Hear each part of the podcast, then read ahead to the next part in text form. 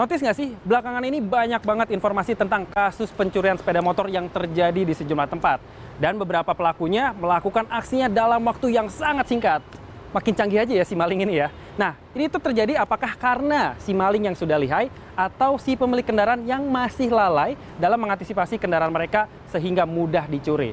Lalu apa aja nih tips yang harus dilakukan oleh si pemilik kendaraan supaya motor-motor kesayangan mereka terbebas dari ancaman si maling? Kita akan cari tahu selengkapnya. Eh, tapi sebentar. Ada motor bagus nganggur nih.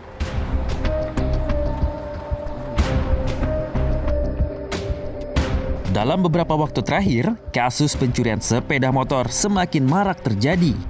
Para pencuri sepeda motor nekat melakukan aksinya, baik malam maupun siang hari. Mereka beraksi di beragam tempat, mulai dari halaman parkir hingga permukiman warga. Hanya dalam waktu singkat, motor yang terparkir tanpa pengamanan dan pengawasan raib begitu saja digasak sang pencuri.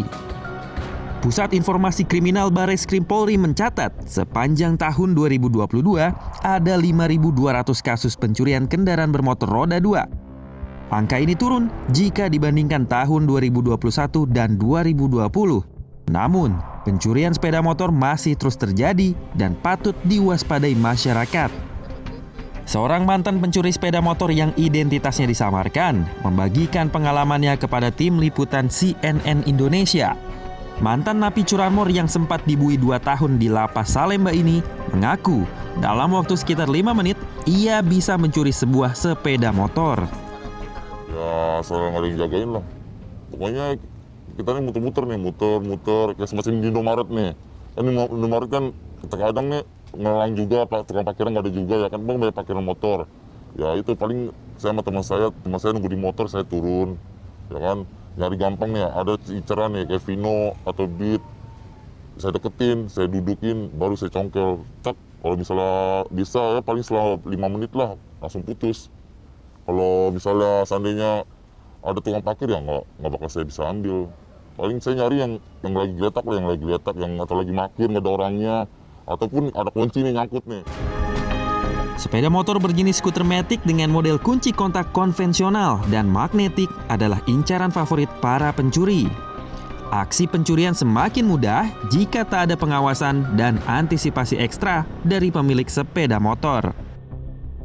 Ya paling paling saya nih kayak saya yang paling nggak bisa nih saya ngambil motor ya itulah kunci remote tuh. Otomatis remote kan kalau nggak ada motor kan kalau nggak ada remote kan nggak bakal bisa nyala. Bisa nyala mati nggak nyala lagi. Harus ada remote ya itulah yang paling susah. Maraknya kasus pencurian sepeda motor yang terjadi membuat beberapa pengguna sepeda motor mengaku melakukan sejumlah langkah antisipasi sederhana untuk mengurangi potensi terjadinya musibah kecurian. Saya takut juga dan saya juga ini juga uh, antisipasinya saya uh, saya kunci beli gembok buat di bawahnya itu terus sama apa dia punya apa namanya kunci cetangnya ngambilnya kita ngambil ke kanan supaya dia susah. Kalau buat antisipasi palingan kalau buat parkiran itu cari lebih aman aja, jangan lupa dikunci ganda. Kalau buat keamanan kalau bisa digembok juga. Pakar Keselamatan dan Keamanan Berkendara Roda 2, Andri Berlianto menyatakan sejumlah produk kendaraan roda 2 yang sering kali menjadi incaran pencuri rata-rata memiliki dimensi badan yang kecil, bobot yang ringan, serta masih menggunakan sistem kunci konvensional.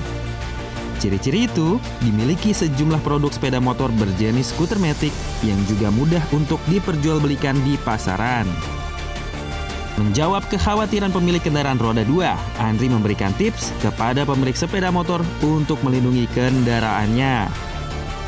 Menggunakan stang apa dikunci ke sebelah kanan itu secara durasi waktu lebih ini lagi apa lebih sulit untuk bisa dibongkar.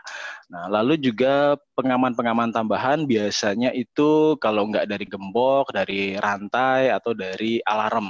Nah, gembok itu juga uh, pilih-pilih yang memang materialnya memang khusus untuk uh, penguncian di bagian apa namanya cakramnya.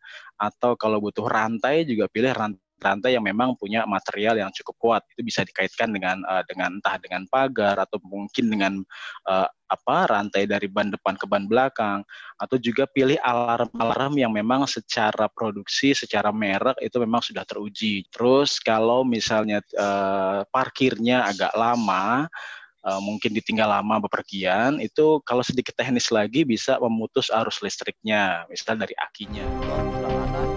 Pencuri juga akan berpikir ulang jika sepeda motor diparkir di lokasi yang terproteksi pagar, dinding, atau di dalam ruangan dengan pintu yang terkunci, serta di lokasi yang dijaga oleh petugas keamanan. Tim Liputan CNN Indonesia